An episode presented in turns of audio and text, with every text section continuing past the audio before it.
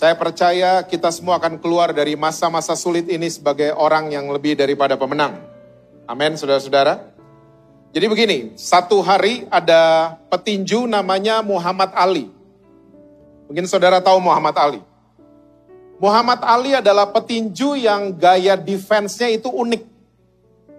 Petinju-petinju yang lain kalau lagi defense, biasanya dua tangan akan ditaruh di, di mukanya dia. Supaya apa? Menahan pukulan si lawan. Nah Muhammad Ali ini agak berbeda. Dia cara defense-nya dia turunin tangannya, dia mempersilahkan lawannya untuk pukul dia. Tujuannya apa? Supaya waktu lawannya lagi pukulin dia, itu tenaganya terkuras lawannya. Dan waktu lawannya mulai kecapean, diserang balik sama Muhammad Ali. Dan akhirnya Muhammad Ali menjadi petinju yang menjadi juara dunia. Ya, dia nggak cuman bertinju cuman asal-asal aja. Dia jadi juara dunia. Dan waktu dia jadi juara dunia, bayarannya beda. Muhammad Ali sekali juara dia bisa bawa pulang ratusan ribu US dollar, saudara. Tapi lucu, setiap dia juara ya pegang sabuk emas dan lain sebagainya, itu mukanya babak belur karena gaya bertinjunya. Yang kalau defense tangannya diturunin. Nah saudara, Muhammad Ali waktu dia jadi juara dan mukanya babak belur, dia pulang bawa cek ratusan ribu US dollar. Dan ceknya dikasih ke istrinya. Istrinya terima ratusan ribu US dollar. Saudara tahu? Istrinya Muhammad Ali lebih daripada pemenang. Sama kayak kita dengan Yesus. Yesus babak belur sampai mati. Supaya apa? Saudara dan saya, kita semua yang nonton, kita jadi umat yang lebih daripada pemenang. Kita punya Tuhan Yesus yang dahsyat, saudara. Kita punya gembala yang baik, kita punya Bapa yang baik, namanya Tuhan Yesus. Nah, saya akan mulai sharing saya.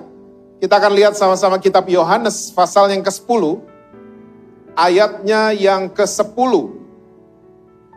Kita udah sering membaca ayat ini. Jadi ini perikop kalau saudara scroll ke atas, judulnya adalah Gembala yang Baik. Gembala yang baik menurut firman Tuhan di sini, ini lagi berbicara soal peternakan saudara. Jadi semua domba-domba yang masuk lewat pintu itu adalah domba yang baik. Dan kalau ada coba, orang ada coba-coba ya, mau lewat tembok, gak masuk lewat pintu. Ya, firman Tuhan mengatakan mereka adalah perampok atau pencuri. Yang coba-coba mau ngambil, mau merampok, mau mencuri domba-domba dari peternakan itu. Nah makanya kalau saudara baca nanti semua di rumah, ini judulnya adalah gembala yang baik. Tolong ingat baik-baik saudara, gembala yang baik selalu pakai tongkat. Tongkatnya bukan untuk pukul domba-dombanya.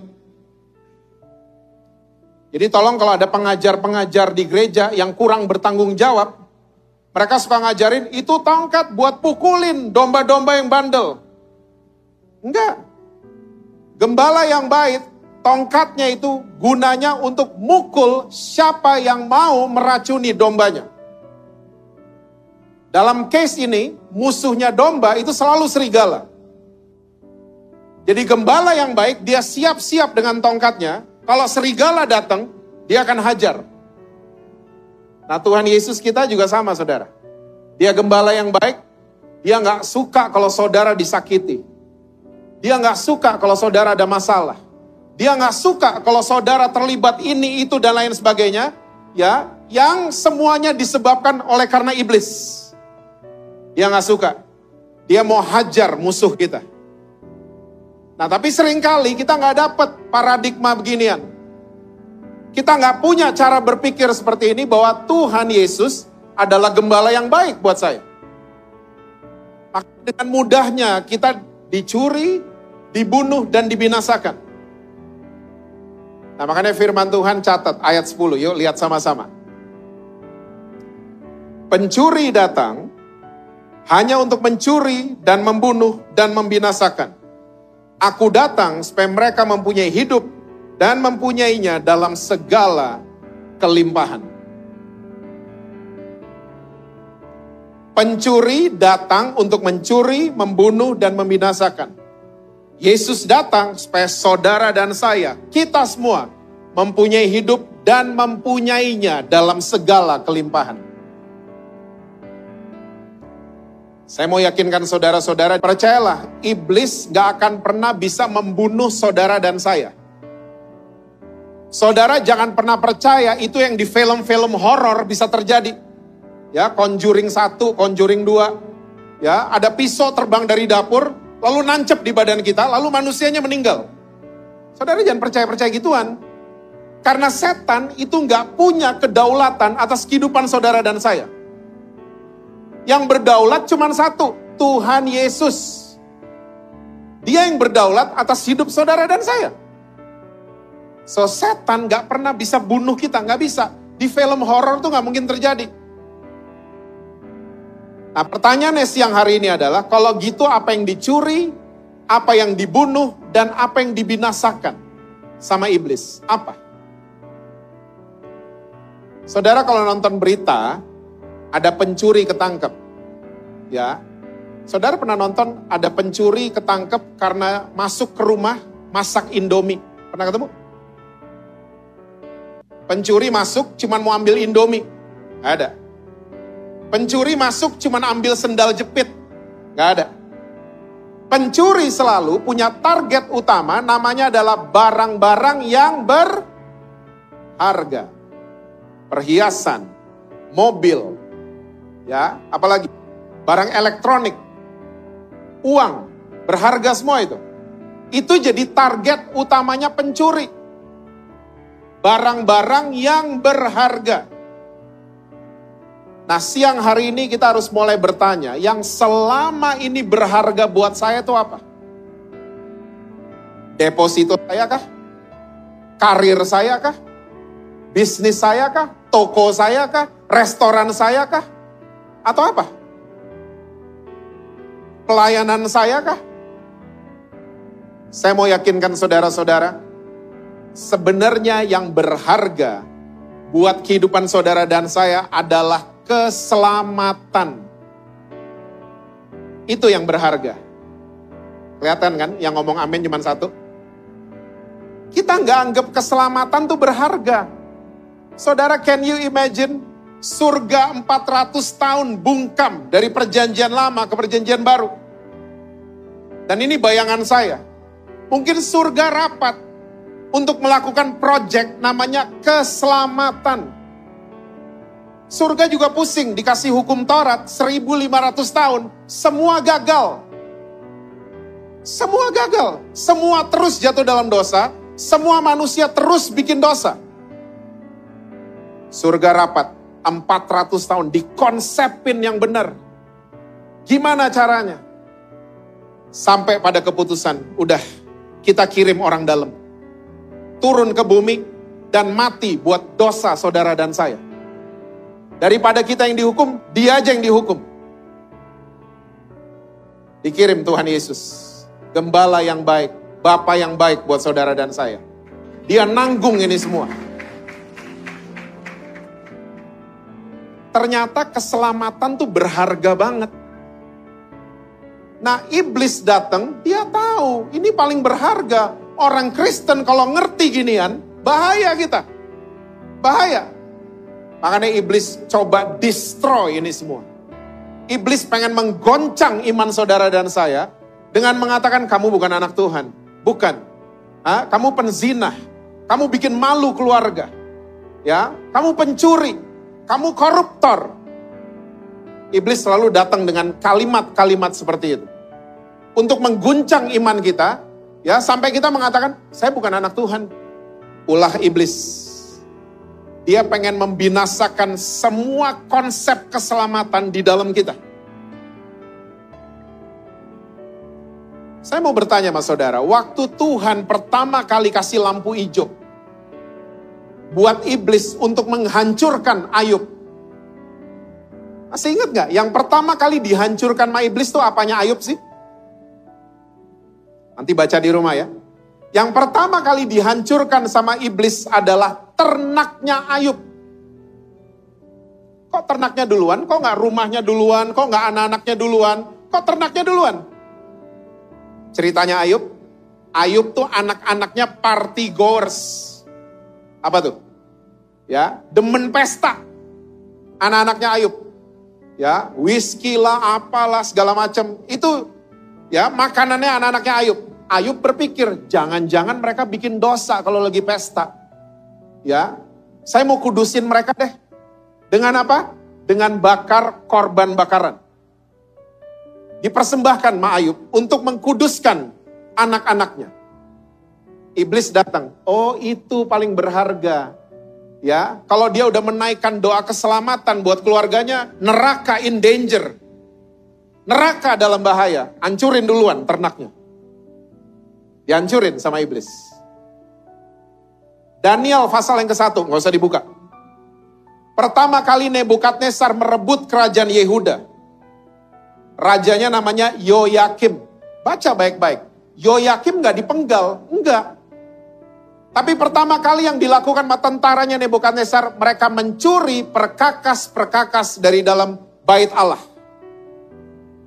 Karena musuh Yehuda, musuhnya orang Israel tahu, kalau orang Israel, orang Yehuda mulai berdoa, kita selalu kalah. We are in danger waktu mereka mulai berdoa di dalam bait Allah. Itu curi duluan. Hancurkan itu duluan. Sampai hari ini, iblis masih paham gini-ginian. Iblis masih ngerti gini-ginian. Yang berharga adalah keselamatan di dalam kita. Iblis tahu. Makanya iblis selalu goncang iman saudara dan saya. Sampai apa apa yang terjadi akhirnya? Kita nggak pernah mengalami kelimpahan apa yang Yesus janjikan. Tolong ingat baik-baik saudara. Kelimpahan itu bukan harta ya. Halo? Cuman dua yang iya. Kita nih orang Kristen kalau kalau dengar kata melimpah, kita pikir, wah uang gue melimpah, harta melimpah. Enggak, enggak, enggak. Makanya saya mau ajak saudara-saudara, mintalah sama Tuhan Yesus apa yang dia punya.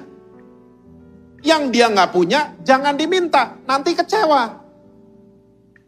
Apa yang Tuhan kita nggak punya? Tuhan Yesus apa? Tuhan Yesus tuh nggak punya uang. Nggak punya. Hah? Coba baca Alkitab baik-baik. Makanya Yesus bandingin dirinya, nggak pernah sama pria ganteng. Hah? Nggak pernah mau mobil Lamborghini. Nggak pernah mau Hotman Paris. Bang, sorry bang kalau nonton. Yesus nggak pernah bandingin dirinya sama gini-ginian. Yesus cuma satu, bandingin dirinya sama uang. Hah?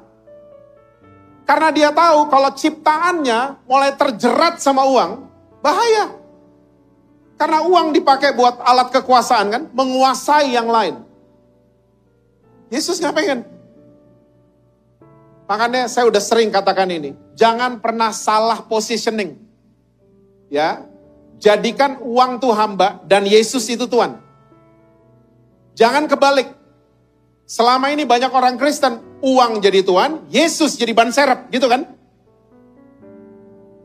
Kok belaga lupa? Hah? Kita selama ini nggak pernah angkat Yesus jadi Tuhan. Makanya uang bikin kita ngawur, berantem keluarga, berantem di gereja, dan seterusnya. Taruh uang sebagai hamba, alat support aja. Tuannya Tuhan Yesus.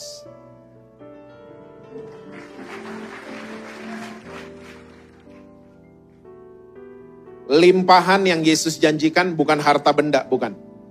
Tapi semua yang dia miliki. Ya. Jangan minta uang lagi sama Tuhan Yesus. Minta yang dia miliki. Sukacita, damai sejahtera, kesembuhan, emas, langit, bumi. Itu punya Tuhan kita. Minta gitu kan.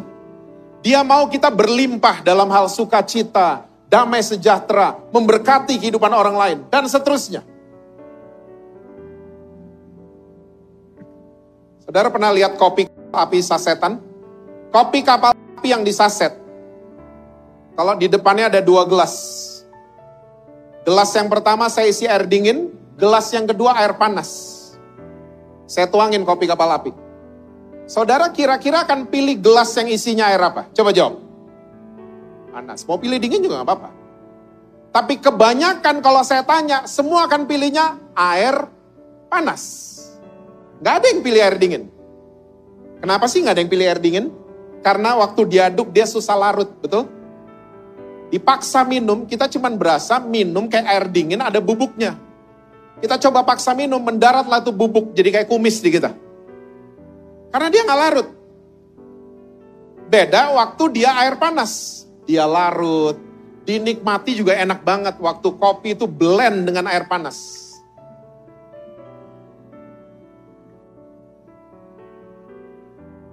Tuh iblis curi, bunuh dan binasakan.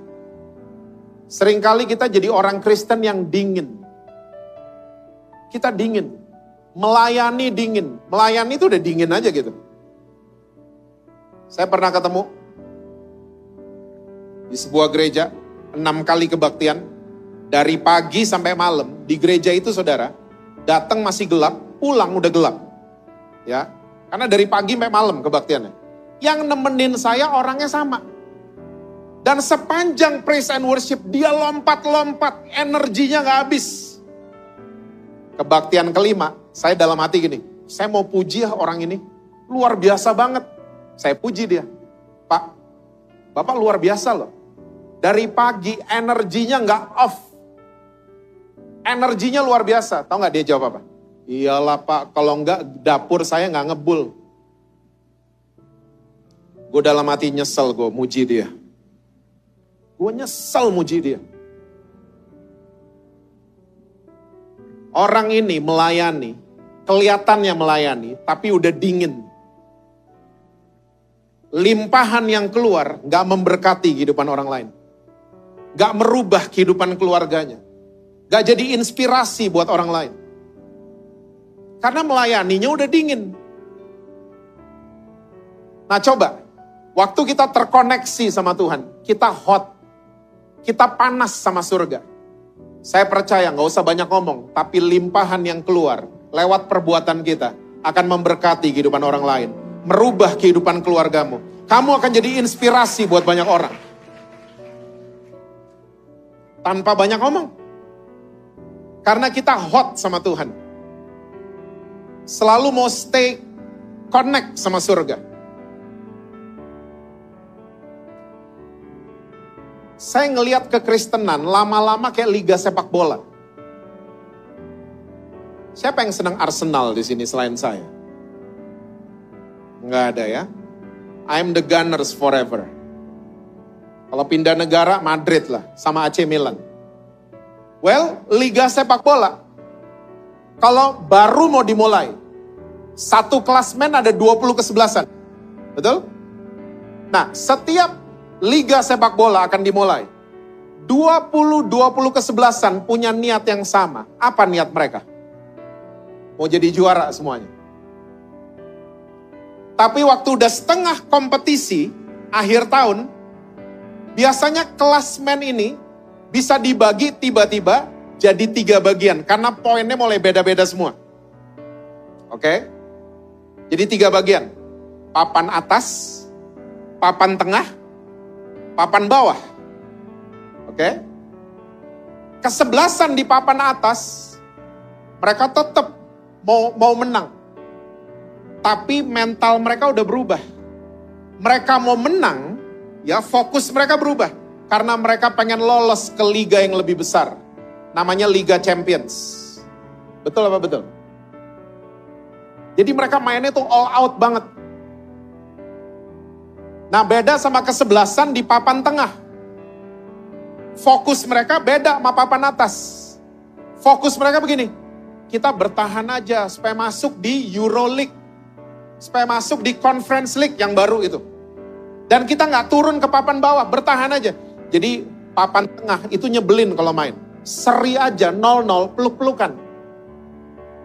0-0 loh padahal. Peluk-pelukan, tuker jersey, apa sih? Menang kagak, cuman seri. Makanya saya sebel kalau nonton papan tengah yang main. Kesebelasan di papan bawah.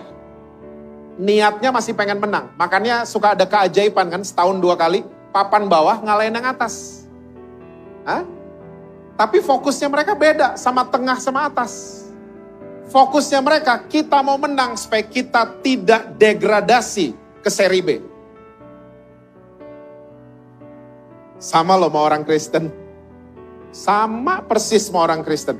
Orang Kristen kalau baru mulai minggu yang baru, hari Senin, semua pengen menang.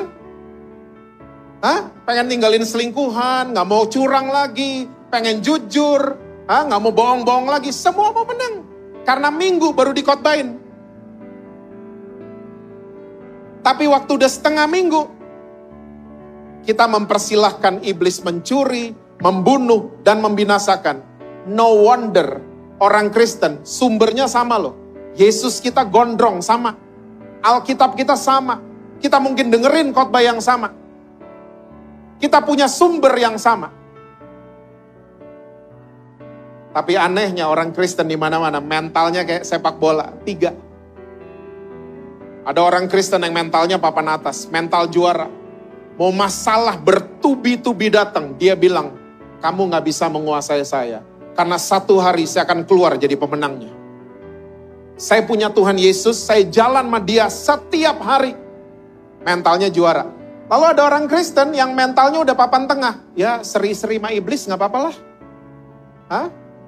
Hari ini iblis kalahin saya, besok saya kalahin kamu pasti. Hah? Seri-serian.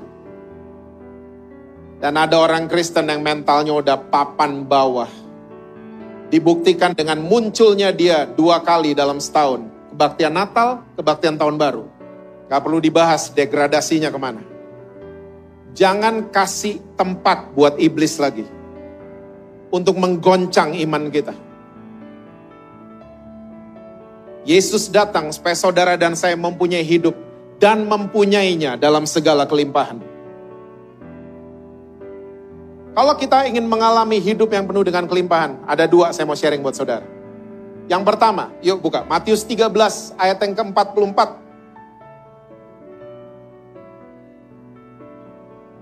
Matius 13 ayat 44 itu judulnya perumpamaan tentang harta terpendam dan mutiara yang berharga. Ayat 44 Alkitab bilang begini, Hal kerajaan sorga itu sumpama harta yang apa saudara? Terpendam di ladang yang ditemukan orang lalu dipendamkannya lagi.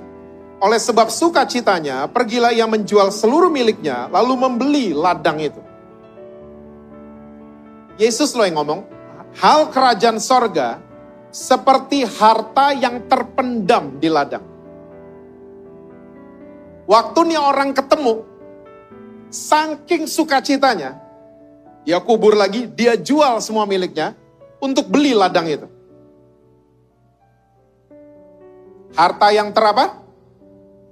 Terpendam.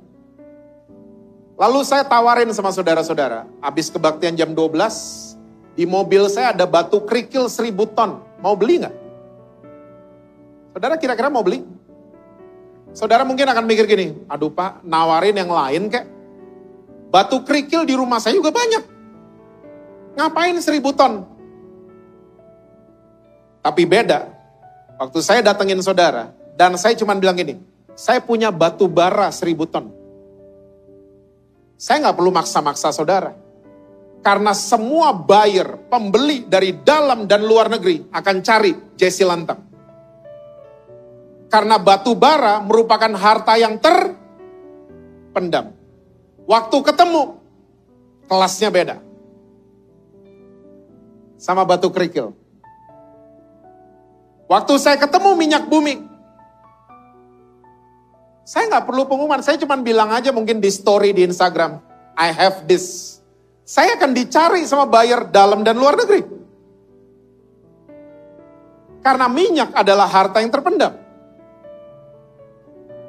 Yesus udah kasih resepnya saudara. Di Matius 6 ayat 33, nggak usah dibuka. Ini ayat ngetop. Carilah dahulu kerajaan Allah dan kebenarannya. Maka semua akan ditambahkan buat kamu. Saudara dan saya ternyata udah dikasih resep. Tugas kita adalah menaikkan nilai kerajaan sorga dan kebenarannya. Itu tugas kita. nanti semua yang baik akan datang. Karena nilai kerajaan sorga banyak. Pengampunan, sukacita, gak bales dendam, ya setia sama pasangan, tidak berbohong. Banyak banget nilainya. Nah di upgrade setiap hari. Di upgrade dong. Cintai kebenaran. Jangan pernah hianati kebenaran. Jangan pernah jual kebenaran. Dihidupi setiap hari. Mau ambil keputusan bisnis apa pun, ibatkan kebenaran. Nah Yesus bilang naikin nilai ini. Saudara kalau ketemu seribu perak uang kertas di tempat sampah, saudara kira-kira gimana? Mungkin kita cuman gini, duit siapa tuh? Berisik kita, duit siapa tuh? Beda kalau saudara ketemu di tempat sampah ada 100 US dollar. Saudara nggak akan berisik. Duit siapa nih? Duit siapa? Nggak akan. Saudara akan lihat-lihat ada orang apa enggak. Hah? Kok belaga lupa?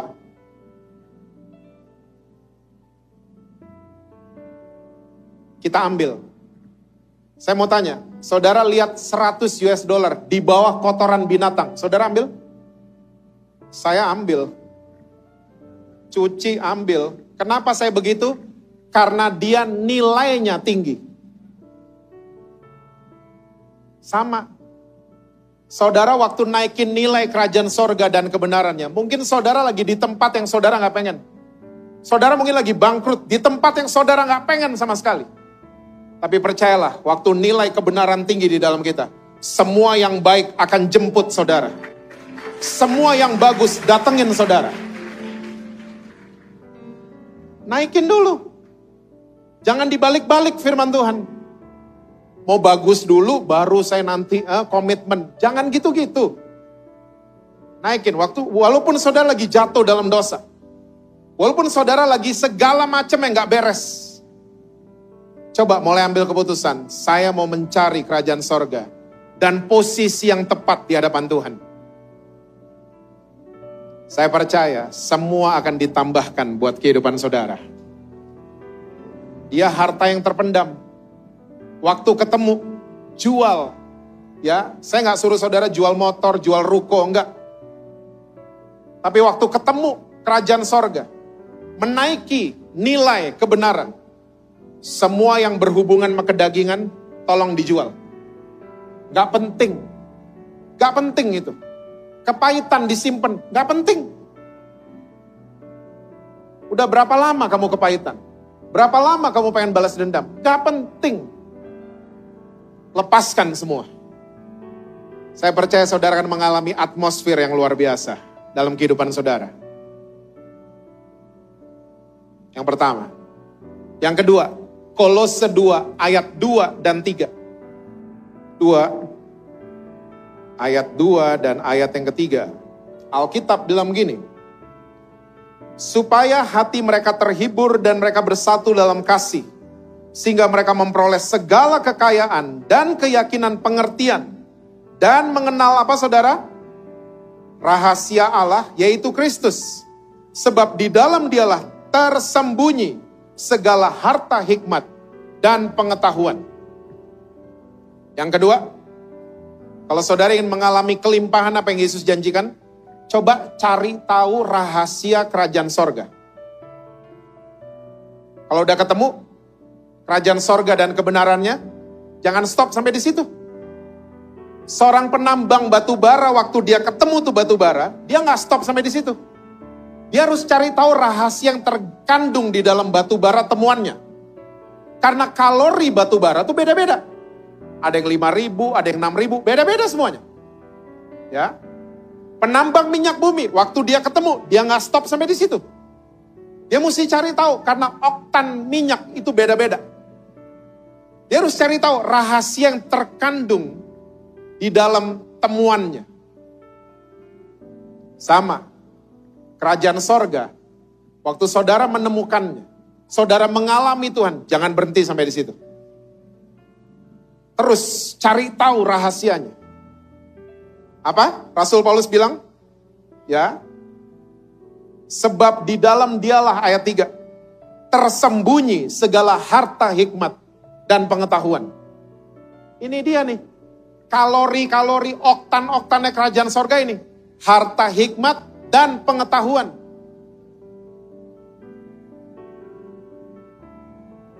Rahasia.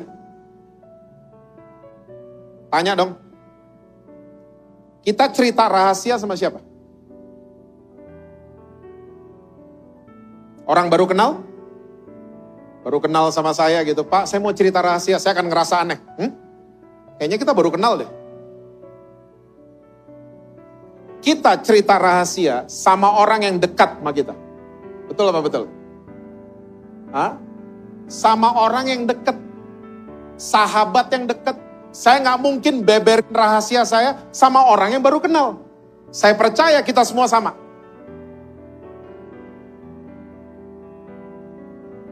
Ternyata Tuhan juga sama. Tuhan akan beberin rahasia kerajaan sorga sama anak-anaknya yang dekat sama dia. Dibeberin harta hikmat dan pengetahuan. Makanya kalau lagi ngalamin apa-apa, ya, segala macam yang gak enak, cari posisi yang dekat sama Tuhan. Supaya itu harta hikmat dan pengetahuan reveal di dalam kita. Hah? Tiba-tiba kita dapat ide, ya gimana tiba-tiba ngatasin nih krisis di restoran. Krisis di toko saya. Dapat hikmat tiba-tiba. Dengan apa? Dekat sama Tuhan. Mazmur 73 ayat yang ke-28 coba lihat.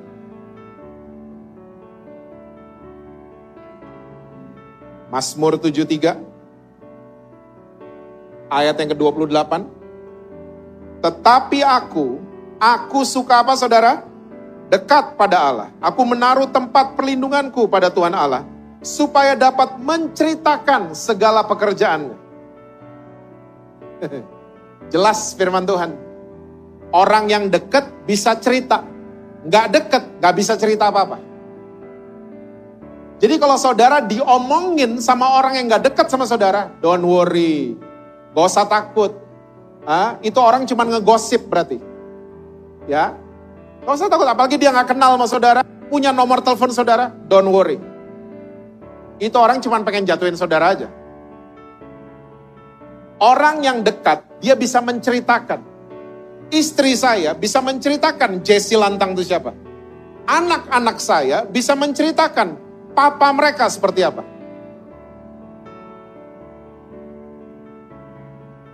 Nah saudara, tolong please remember this. Tuhan adalah pribadi yang punya dua intuisi. Namanya pikiran dan perasaan. Itu kuat banget di dalam Tuhan. Nah, waktu dia ciptain manusia, dibagi Tuhan, dibagi. Pria dikasih pikiran, wanita dikasih perasaan. Pria tertarik melawan jenis lewat mata, wanita tertarik melawan jenis lewat telinga. Dibagi-bagi sama Tuhan. Oke. Pria lewat mata kan? Kok belakang nggak tahu? Perlu diperjelas? Pria lihat rok mini langsung noleh, set, Kok masih belaga bego? Hah? Come on, kita kayak gitu. Kita noleh langsung. Karena kita tertarik melawan jenis lewat mata. Nah makanya dijaga semua apa yang kita lihat kaum pria. Kaum wanita tertarik melawan jenis lewat telinga. Kaum wanita nggak peduli lihat pria pakai rok mini semini apa pun. Mereka malah jijik Karena wanita tertarik dengan lawan jenis lewat telinga. Makanya banyak wanita jatuh dalam dosa karena ketipu. Betul? Saya masih single, cucunya udah lima padahal. Dari Taman Eden, gitu kan? Makan aja, nanti kamu jadi seperti Tuhan. Ketipu. Hawa. Sampai sekarang kasusnya perempuan di situ. Ketipu. Nah makanya yang masih single, atau yang punya anak-anak remaja, ya, kalau mereka mau berpacaran, ajarin pacaran yang sehat. Pacaran yang sehat seperti apa? Pacaran yang sehat, catat baik-baik dalam hati saudara, catat.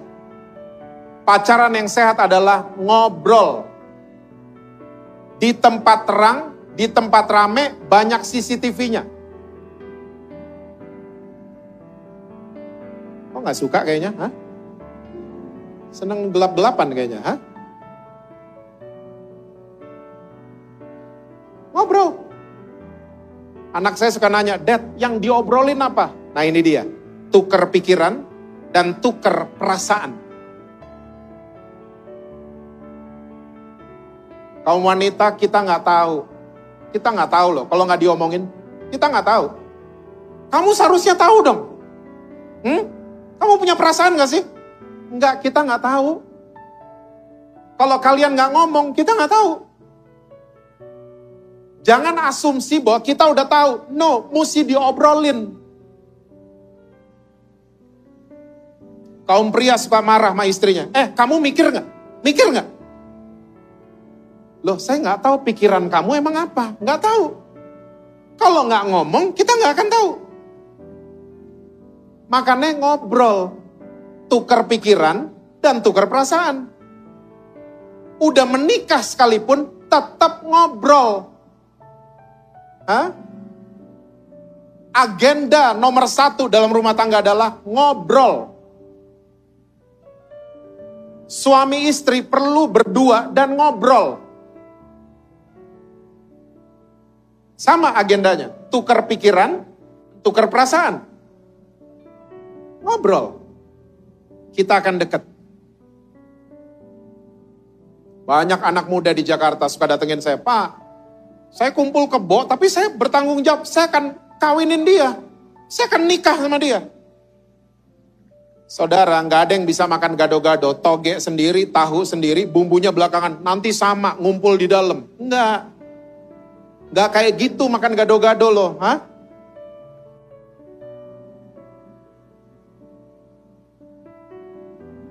Saya masih ingat my daughter.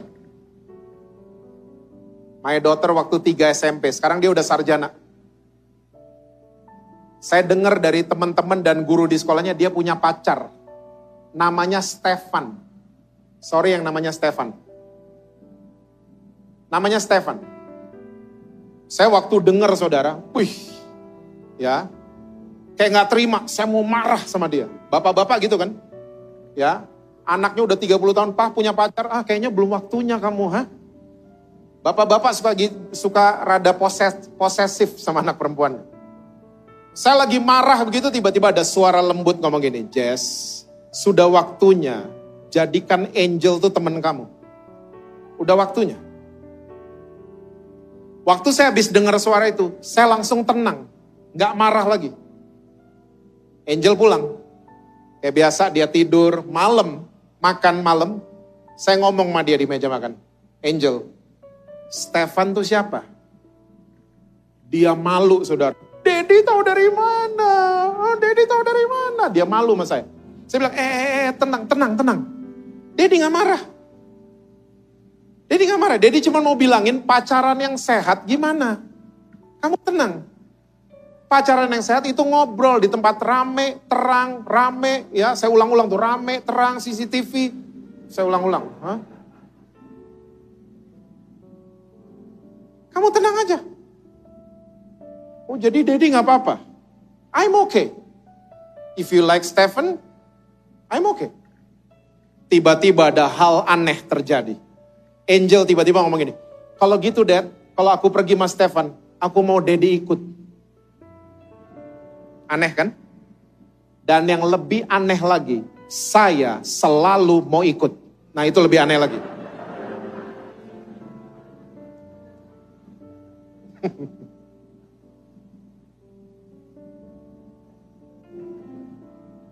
Saudara, sampai hari ini, saya dan my daughter we remain best friends. Sampai hari ini dia kalau saya kepegang handphonenya sama saya, tidak ada gestur yang takut handphonenya dipegang sama dedinya. Dia nggak takut.